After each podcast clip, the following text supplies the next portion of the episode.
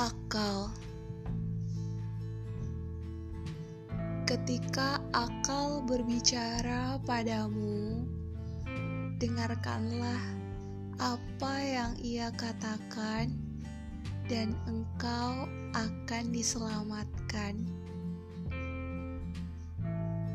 Pergunakan sebagaimana mestinya segala ucapannya dan engkau akan menjadi laksana manusia yang dipersenjatai sebab Tuhan telah menganugerahkan kepadamu pembimbing yang tidak lebih baik dari akal, senjata yang tidak lebih kuat daripada akal. Episode kedua, baca narasi dari buku Cinta dan Persahabatan, karya Khairil Gibran.